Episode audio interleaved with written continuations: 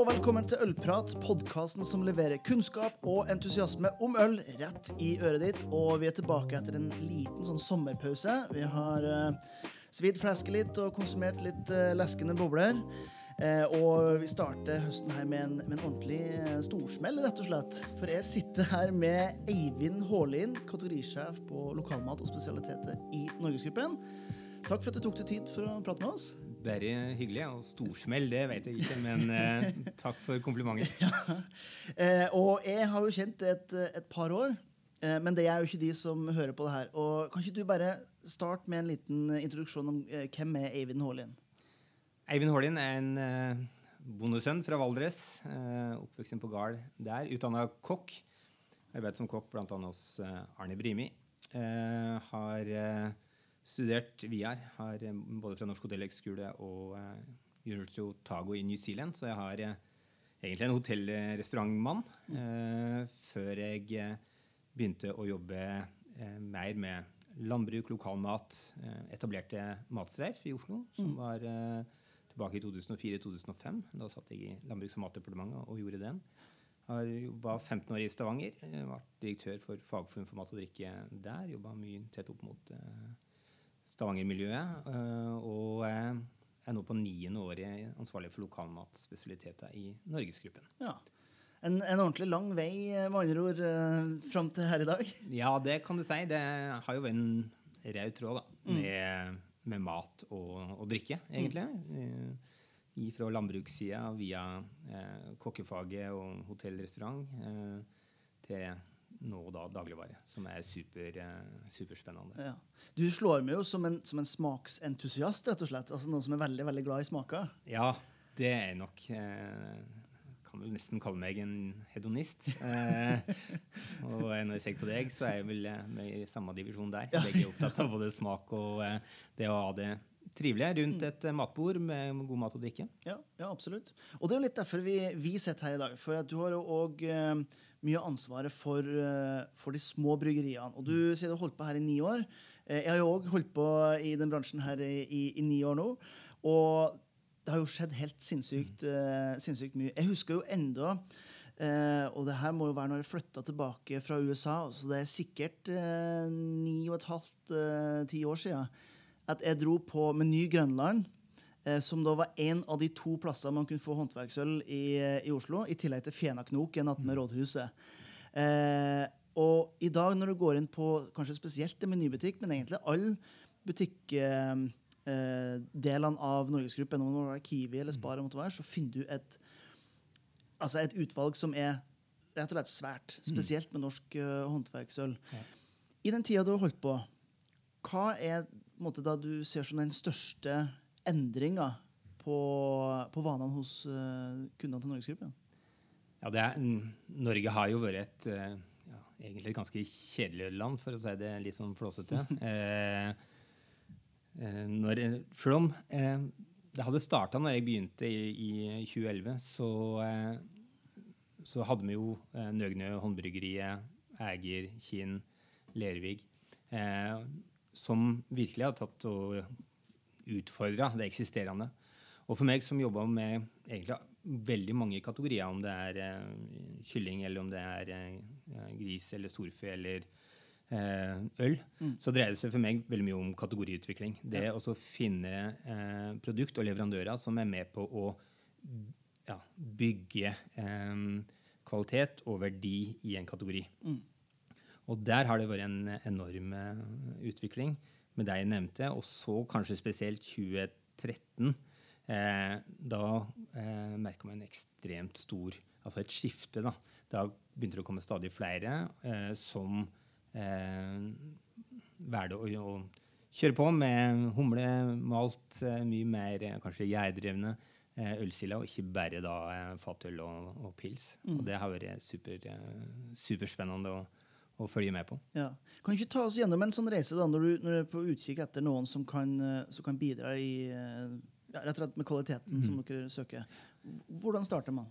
Nei, det har jo nesten vært det er jo, eh, Fordelen min her er jo vel at de fleste kommer til meg. Eh, selv om jeg flyr med på både det som eh, skjer på internett og i, i avis og magasin. Eh, så det er nok enkelte som jeg har spotta der. Men som regel så er det eh, nye produsenter som presenterer produktet av visjon, hva de, hva de tenker.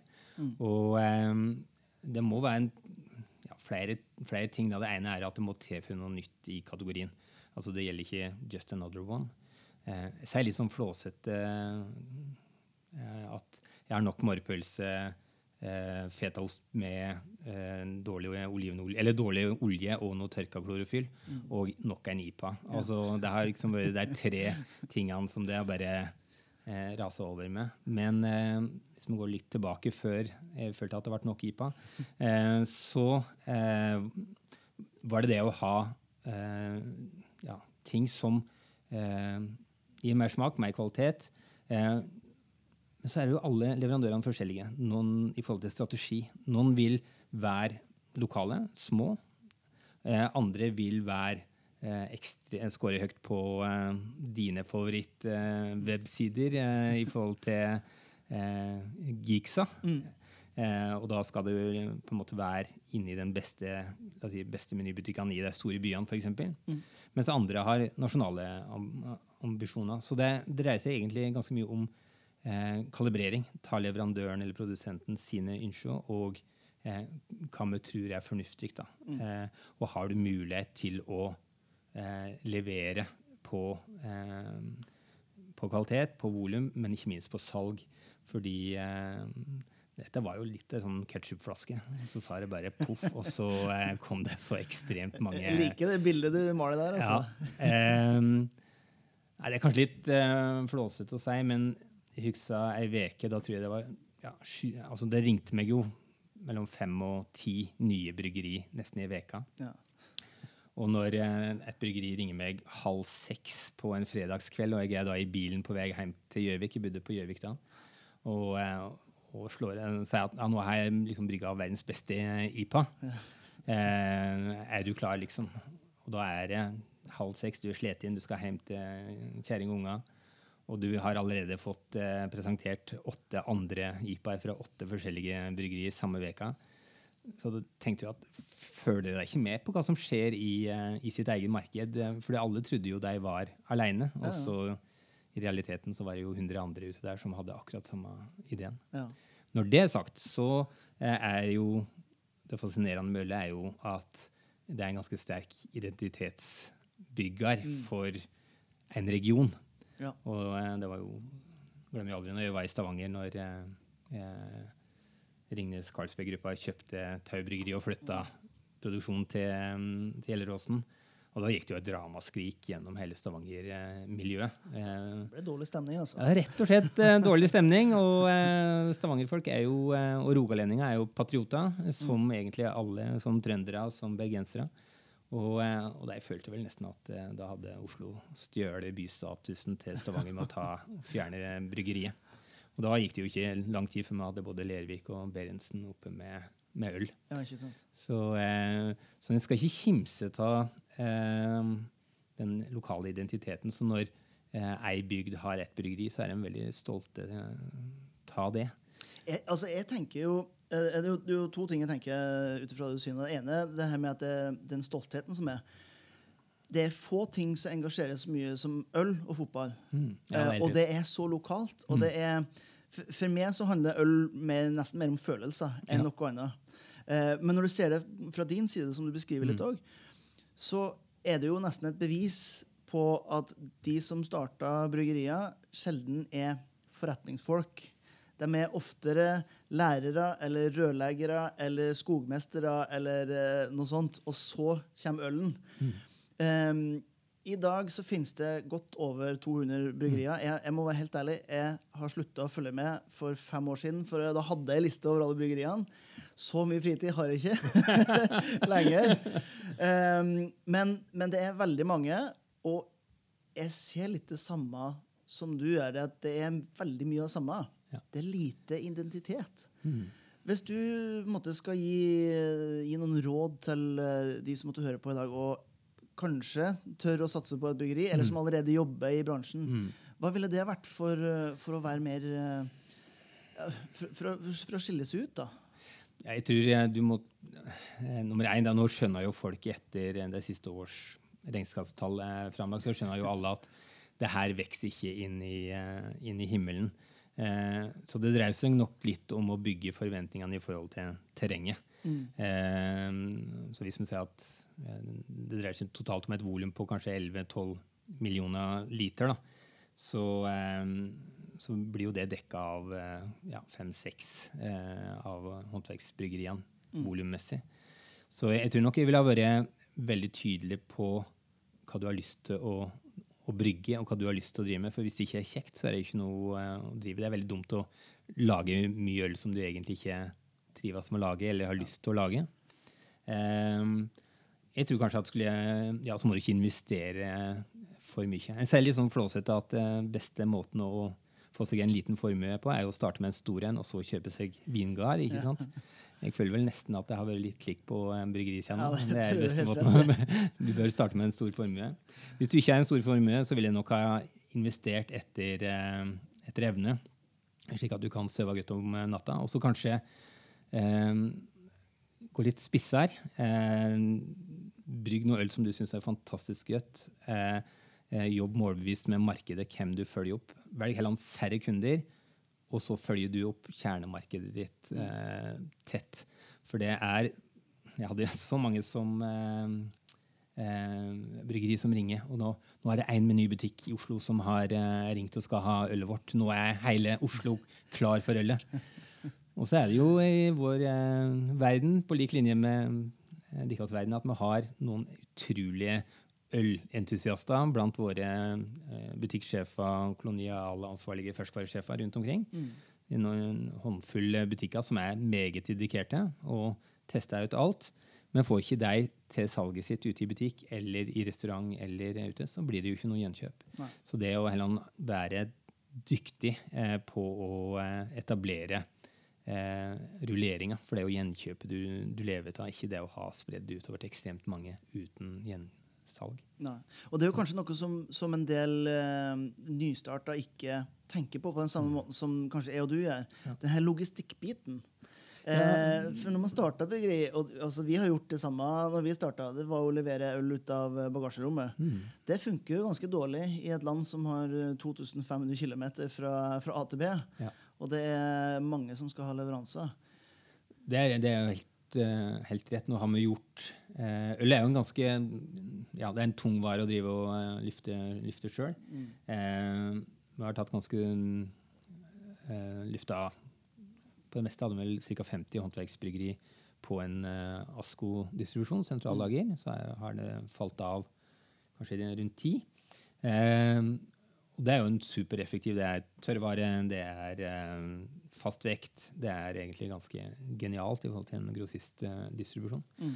Utfordringa er at eh, hvis du ikke får salget hos eh, butikk eller ut av restaurant, så hjelper det ikke å ha verdens beste distribusjon. Eh, sånn at Eller verdens beste øl. ja, eller verdens beste øl. Så det å være litt ja, Tenke litt alternativt eller smart i forhold til, til salg, markedsføring, det å ta en posisjon da, på eh, ja, å bli kjent for den som lager kanskje det beste gourmetølet, eller eh, det beste fotballølet, eller Ja, ja. hva det måtte være. Jeg vet ikke. Men i hvert fall tror jeg du må være litt eh, spiss, slik at du klarer å ta ut den verdien på det ølet som, som nå har blitt pris, eh, prispressa. Mm. Jeg, akkurat du nevner der, jeg er veldig glad for at du sier det også. For at med en gang du ser det, så tenker jeg eh, to bryggerier jeg tenker på i Norge eh, umiddelbart. Og det er Eik og Tid her i Oslo, som er spesialisert på, på råøl. Mm. Kveik, nesten ikke bruk av humle. Men altså det, det er sært. Ja. Det er ingen tvil om. Eh, men jeg kjenner jo Amund Pollen Arnesen og, Ja. og Bjørn Harald som, som driver. Og de er litt sære, Ja. men de har alltid vært sånn. Så det sånn de finner gleden i å, i å lage det. Ja, og da vil eh, Og hvis jeg da klarer å tilfredsstille den, den gruppa, Mm. så tror jeg de vil få ganske mye eh, taletid i, eh, i media. Nå nevner du deg, fordi det er jo en grunn til at du nevner deg nå. Ja, ja. Og da får de mer taletid eh, og får oppmerksomhet via presse. Og så altså, rett og slett kvalitetsstemmer som eh, viderebringer det. Og det tror jeg er kjempe, kjempelurt, og det er en utrolig trygg måte å, gjøre det på. Men da må du, være, da må du levere da, på Ja, kvalitet er hver gang, og kanskje innovasjon. Ja, ja det, det hjelper ikke å, å skal bygge opp et rykte på råøl, og så plutselig skal man lage en eh, New England IPA eh, bare for at man har lyst til det på en onsdag. Nei, det er, jeg tror det er mulig å eh, etablere eh, kvalitetsvolumøl under en slik spisssak, men da må det òg være one notch bedre enn enn det andre. Men, Ja. men jeg har litt sans for den eh, strategien der, der du eh, har jeg kaller det litt som ny nordisk mat, da, der du har Noma, som er en spydspiss. Ja. Og så er det jo ikke alle på Noma-nivå, men, men det gjør jo at du blir kjent for noe, og så klarer du kanskje å bygge opp noe under. da. Ta eh, Robert Mondavi på, på Wien, Opus One, og så får du noe fantastisk eh, enkel, billig, god rødvin til en, eller til en fornuftig pris. Det er jo eh, på eh, Gardermoen. Ja. Er kanskje under 150 spenn for en Robert Mondavi-vin. Da, eh, da har du både spiss og noe under. Ja, Det er mulig, men eh, det må være bra, da. Mm. Ja, det, det, det er ikke noe tvil om. um, går ti år tilbake i tid, er på Meny Grønland, ser på hyllene. Uh, kjenner jo uh, til han som drev der litt også. Uh, men det er ikke bare utvalget som har endra seg. Eh, alkoholloven har endra seg. Og jeg ser jo hyllene, eh, spesielt på Meny, har jo endra seg. Kan du si litt om hva på en måte dere gjør for å dele kunnskap om øl ut til konsument? Det vi gjorde eh, nummer én når eh, ja, 2013 eh, cirka, så begynte vi å, å ta ut single utenlandske øl for å gi mer plass til den bølga vi så eh, skulle komme. Sånn at eh, eh, det ves altså, redesigna menybutikkene rett og slett for å få plass til mer norsk håndverksøl. Mm. Fantastisk vekst. og... Eh, og eh, Meny heia på, ut, eh, på utvalg, så det var meget naturlig. Og det begynte å komme noe fantastisk bra norsk håndverksøl. Mm. Så kom som du sier, en endring hvor en fikk lov til å informere eh, Nøk nøktern informasjon. Nøkternt var ordet, ja. Helt på å si nøytralt, men det er jo ikke så langt unna. Du får lov til å informere uten å informere. Det var helt eh, magisk. Ja. Men i hvert fall så eh, brukte vi jo den muligheten til å informere på hylleforkant med eh, litt bruksområde, smak, eh, og lånte nok en del av eh, ideene fra Storby og Vinmonopolet der. Eh, og, det er jo Men det òg å eh, trene opp eh, Og det er jo et pågående arbeid, men det å få butikkansatte til å forstå mer eh, kombinasjon øl og mat, Mm. har jo vært en, eh, en viktig eh, bit. Jeg sier at vi er langt ifra gode nok, men vi har enkelte butikker som er superflinke på det, Mm. og andre som ikke er i nærheten. Men det å kunne anbefale øl til mat via en ferskvaredisk, Ja. eller når du er i kolonialen, er jo eh, eh, tror jeg er viktig, fordi du står det litt på den ølhylla, og så står de fleste norske forbrukere av den Selvsagt ikke deg som hører på den eh, podkasten her, men den gjengse norske forbruker vil stå på den eh, ølhylla, og så bare står det x antall etiketter og skrik eh, ut til deg med ulike eh, meget eh, fancy eh, design. Ja. Og, eh, og du blir litt rådvill, og så Nei, jeg tar den fatølen likevel.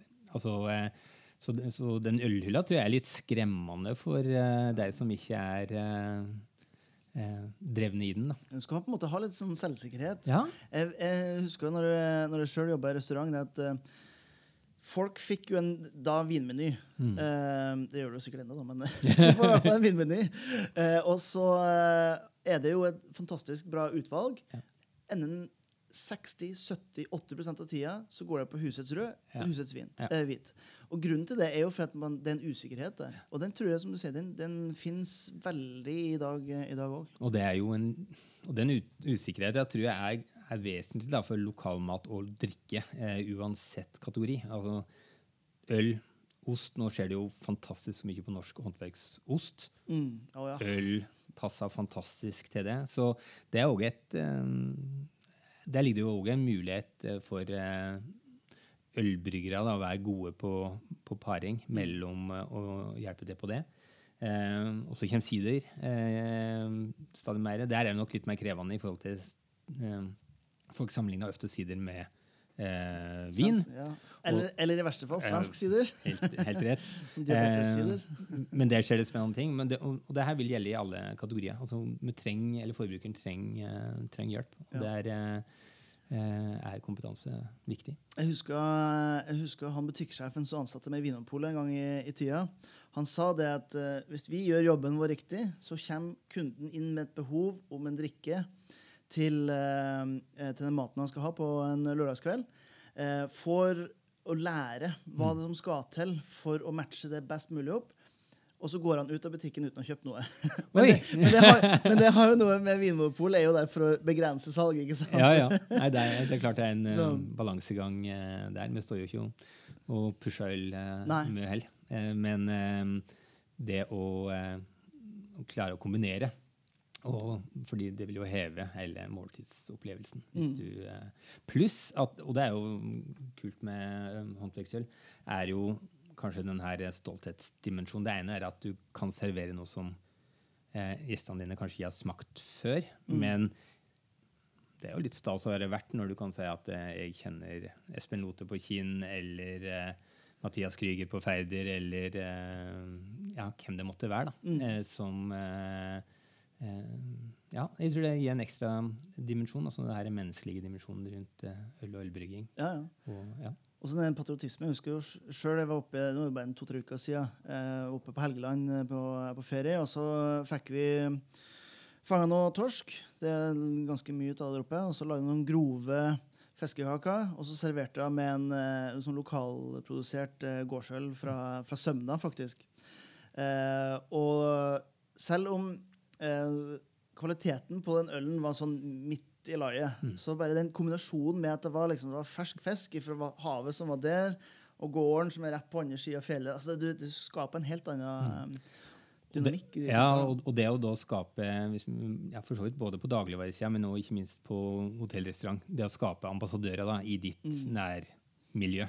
Sånn at når du er i Valdres, da, så skal du ha småvesen. Eh, for det er Og da bør egentlig alle uteplasser, restauranter, hotell servere småvesen eh, i, eh, i Valdres. Eller eh, eh, Nøysom i Fredrikstad, eller Ego i Fredrikstad. Altså det er jo eh, ja, jeg tror det, det vil heve òg eh, gjestens opplevelse. Og da forstår han at jøss, her er det bygd som er stolte av eh, av det som skjer i bygda, eller i byen, eller i bydelen. Eh, så det å være på Grünerløkka Utta og drikke Grünerløkka brygghus er jo, det er jo tull. Ja, Klart du skal jeg er helt, helt enig. Jeg håper alle, alle bare restauranter som hører på det her, tar det der. For det er så kjedelig å dra på et eller annet hotell eller en restaurant eller et annet sted som, som er litt utafor, og det eneste de har, er ti forskjellige versjoner av en eller annen lys, pasteurisert og filtrert eh, lager fra et eller annet sydligere strøk. Altså. Ja, det gir Det kan være lite. som, hvor som helst. igjen. Så er det jo rett at eh, jeg har jo smakt ganske mye dårlig øl òg eh, i løpet av det her eh, ja, snart ni årene. Og, eh, eh, men det tror jeg eh, Det er jo slik at eh, dårlig øl kjøper du bare én gang. Ja. Og så Da kan du være så mye entusiast du vil, men hvis ikke det er, er godt Sånn at når vi nå ser en avskaling i antall bryggeri, så er det jo sikkert både fordi folk er slitne, for det er mye arbeid. Eh, noen har ikke brygga godt nok eh, øl. Noen har tatt for stor risiko, investert mer enn de klarte å ta ut i, i salg. Eh, og når det er sagt, så tror jeg at den kvaliteten vi har på øl i Norge nå, i hvert fall det utvalget og mangfoldet, er jo bedre enn det noen gang har vært. Altså, vi er jo i gullalderen, egentlig, for, Ja. eh, for norsk øl. Og selv om vi ser ei eh, mer utjevning og eh, stabilisering i, i det markedet, så håper jeg jo at folk fortsatt eh, ønsker brygge litt bedre øl i dag enn det gjorde i, eh, i år. Og eh, si, det må det beste ølet vinne. Man, så, man har jo sett den samme utviklinga i f.eks. Danmark, som jo ligger en del år Ja. foran, der dette var en eksplosjon. Eh, men eh, når det kommer såpass mange nye aktører på markedet, så er det jo ikke sikkert at kvaliteten eh, er et marked verdig. Og sånn sett så er det jo konsumeren som bestemmer. Selger du ikke ølet, så er det ganske klar indikasjon på at noe er gærent. Da hjelper det ikke å ha ni eller ti poeng i en eller annen snever sak. Hvis ikke Nei. du klarer å få det transformert over til, til presse eller eh, mer offentlig kjent. Men jeg har lyst til å stille deg et spørsmål Ja, ja, i forhold til um, um, eksport. Altså norsk håndverksøl igjen en, eh, altså Kommer du ut på det internasjonale markedet, så har du jo ikke på en måte det, kanskje den lokale identiteten. Da bør det jo Nei. kanskje være kvaliteten som, som gjør det. Er det Mm. mange norske som prøver seg, og som lykkes i, i utlandet? For det vil jo være en ganske bra indikator på om du er, eh, er god, da. Ja, ja. Eh, svaret er nei og ja. Ja, Det er mange som prøver seg, Ja. få som lykkes. Og Mm. de som lykkes, er de som, som du, du kan nesten tenke deg eh, hvem det er for noen. Eh, og det er de som, som gjør det forholdsvis bra i Norge også. Mm. Eh, men det jeg syns er fascinerende når man tar med norsk øl ut, er for det første så sier alle sier det er dyrt. Ja. Altså det er, og det er det. I forhold, Det har jo noe med at lønn er såpass høyt, altså arbeidskraft er såpass uh, dyrt i Norge. Mm. Ingredienser og, og, og den type ting er ikke så dyrt, men, men vi menneskene koster mye i Norge. Uh, som er en fin ting. Men, uh, men det de alltid er interessert i, det er å vite historien. Ja, De vil gjerne vite om hva det er for noe. ja og det trenger ikke å være i norske øyne så spicy historie, Nei, men det er spicy nok for dem. ja. Eh, og det har jo noe med at Norge er jo litt eksotisk, da. Eh, jeg hadde, jeg hadde en, eh, en finne på besøk her for eh, to uker siden. Eh, og jeg bor i Groruddalen, og dere, vi ser opp på Romsås. Og det var jo det største fjellet han har sett. Ja. Og jeg tenker bare, Det er jo bare tull. Han hadde jo ikke vært uh, i nærheten av Galdhøpiggen eller har jo ikke vært i Sogn og Fjordane. Men han har jo selvfølgelig ikke det. Nei. Men for, uh, for folk som ikke er vant med fjorder og fjell Mm. og gårder på de merkeligste plassene, så er Norge, så er Norge rett og slett eh, interessant. Og, Mm. og da vil de gjerne ha en bit av det. Så de er nesten alltid villige til å betale det det koster. Men det er ikke sikkert de kjøper den nummer to hvis det ikke er godt. Nei, for det er jo litt det jeg er opptatt av. da. Jeg er jo nettopp jeg gjenkjøpet. Og så er jo selvfølgelig eh, det utenlandske markedet vesentlig større, så kanskje det er flere som eh, kan eh, prøve. Mm. Men eh, i det norske markedet så er gjenkjøp eh, viktig, og det er jo en av de faktorene vi styrer på, er jo rullering Ja. og, og gjenkjøp. Um, og så skal det sies at vi har i stor grad um, alle som har kall det riktig registrering og eh, kall det alt det praktiske på plass, så lar vi deg prøve, i hvert fall eh, inn frivillig kodet, inn på, spesielt på super, eh, supermarkedene. Så blir det opp til butikk å ta inn eller ikke ta inn, eh, inn varene. Mm. Gir dem en sjanse. Vi gir dem en sjanse, og, eh, men med så stort trykk det har vært de siste årene, så, så er det veldig få vi har lyfta videre opp i noen pliktige koder, rett og slett for at jeg tenker at det er fair at uh, alle får prøve, og så er det opp til uh, forbruker da, å bestemme Mm. hvem som eh, han velger å putte i handlekorga. Ja. For det er jo relativt lett å komme inn i hylla. Det er vanskelig å komme ut av hylla. Ja. Det er jo der jeg mener at fokuset bør være. da. Ikke sant? Ehm, ja, vi skal begynne å, å oppsummere litt, uh, litt her. Vi skal begynne å avslutte litt. Mm. Eh, du er en særdeles eh, travel mann, så det at du tar deg tid, det syns jeg er veldig, veldig stas. Det er kjempekjekt å bli spurt, da, og det betyr jo at uh, sjøl en som uh, sitter inne på et kontor, er interessant for, for de barske, kule, tatoverte, skjeggete bryggerne. Og, og det må jeg si, det har vært og det er fantastisk moro å møte eh, bryggere, fordi det Som kokk så kan jeg litt om ekstremt mye på Mm. matsida, eh, men du går jo aldri i dybden på eh, altså, en brygger er bedre enn en kokk til å brygge, og en baker er bedre enn en kokk til å eh, bake. Ja. Men det er mm, alltid fascinerende å diskutere smaker, og, eh, og for så vidt hva som har eh, gått feil. Ikke så jeg var med til en avsporing, men oppe i Trøndelag på en, jeg var med på to workshoper der eh, det ene gikk på ost, der eh, en tok fram hva som hadde gått galt med osten. Og så var det en fagperson som sa at ja, da er det, hva var pH-en der, og hva var temperaturen der. Og tilsvarende på øl. Altså eh, når, hvorfor smaka det slik, hvorfor gikk det feil, Mm. etc. Og det, og det er ganske mye felles da, med mm, brygging, med ysting, med flere matfag. Mm. Og det er jo denne her eh, Ja, jeg har sans for, eh, sans for nerder da, som eh, eh, bryr seg og ja, make a difference. Ja. Så fortsett med det.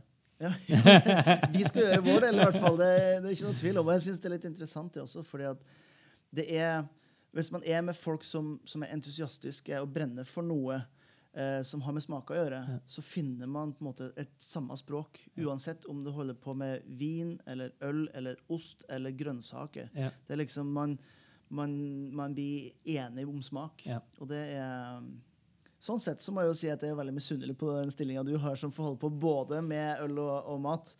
Eh, og derfor tenker jeg vi skal ta en sånn siste, siste lite spørsmål nå, eh, som går på akkurat det. Ja. Eh, nå, er det nå er det mandag. Det er grått og litt skyete ute. Det er 18 grader. Så for folk der hjemme, ta det inn i eh, beregninga. Når jeg spør deg, hvis du skal velge en sånn ideell øl- og matmatch eh, for det, hva vil det være? Oi. Eh, jeg er jo veldig i osteverden om, dagen. Vi hadde et VM i, eh, i, eh, i Bergen. Mm. Som gikk helt sinnssykt bra for norsk ost. Definitivt. Og det dreier seg om en råvarekvalitet som er eh, helt, eh, helt magisk. Eh, så eh, er det jo fascinerende med både øl og ost fordi det vil være levende eh, materiell, i hvert fall når du ikke eh, ja, verken tar og kanskje ja, dreper alt da, på Mm. begge. Eh, sånn at det er levende ting. Men eh, jeg ville nok ha prøvd eh, og kjøpt prøvd to-tre forskjellige typer oster. Eh, både hvitmugg eh, og eh, noen faste vellagra. En av favorittene mine er kanskje bufarosten fra eh, Valdres, Valdresmeieriet, laga på stølsmjølk. Som eh, kjøper hun nå, så er en eh, ifra i fjor, så da er en over ett år, eh, år gammel. Eh, men eh, generelt ost med eh, lyse kanskje hvetøl eller eh, eh, blond. Jeg, jeg, jeg er nok eh, veldig på det. Altså lette, friske, gode øl. Prøve å unngå for eh, humla ting. Eh, I hvert fall eh, I hvert fall til ost. i hvert fall til deg, type ostene som jeg beskriver her. Eller selvfølgelig så er det jo magisk å gå mot kraftige blåmuggoster, mot mørke malta porter-varianter. Mm. Eh, det kan man ta litt seinere ut på helt til slutt. Når det begynner å nærme seg fredag. Yes. Jeg tenker at Hvis eh, munkene i Belgia har gjort det i flere hundre år, det her med ost og øl i kombinasjon, så tenker jeg de, eh, de har direkte kontakt eh, oven. Så Det- de vet hva de holder på med. Det var egentlig min, mitt utgangspunkt her òg. Ja. Og du har jo også kontaktene til Oven, naturligvis, siden dette er din, eh, ditt valg. Ja, det var nok mer En må lene seg på deg som, eh, som kan litt, da, vet du. Ja. Ja. Nei, men Eivind, tusen takk for at du tok deg tid til å prate med oss. Tusen takk for at du ville komme og, eh, her til oss. Og jeg satte stor pris på å bli spurt. Mm. Og vi setter pris på alle dere som eh, hører på. Eh, vi kommer til å kjøre på nå utover høsten med mye spennende gjester og temaer og i det hele tatt. Så det er bare å klikke subscribe og gi oss masse fine tomler opp og i det hele tatt. Og så får dere huske at, eh, til neste gang at eh, gode folk fortjener godt øl.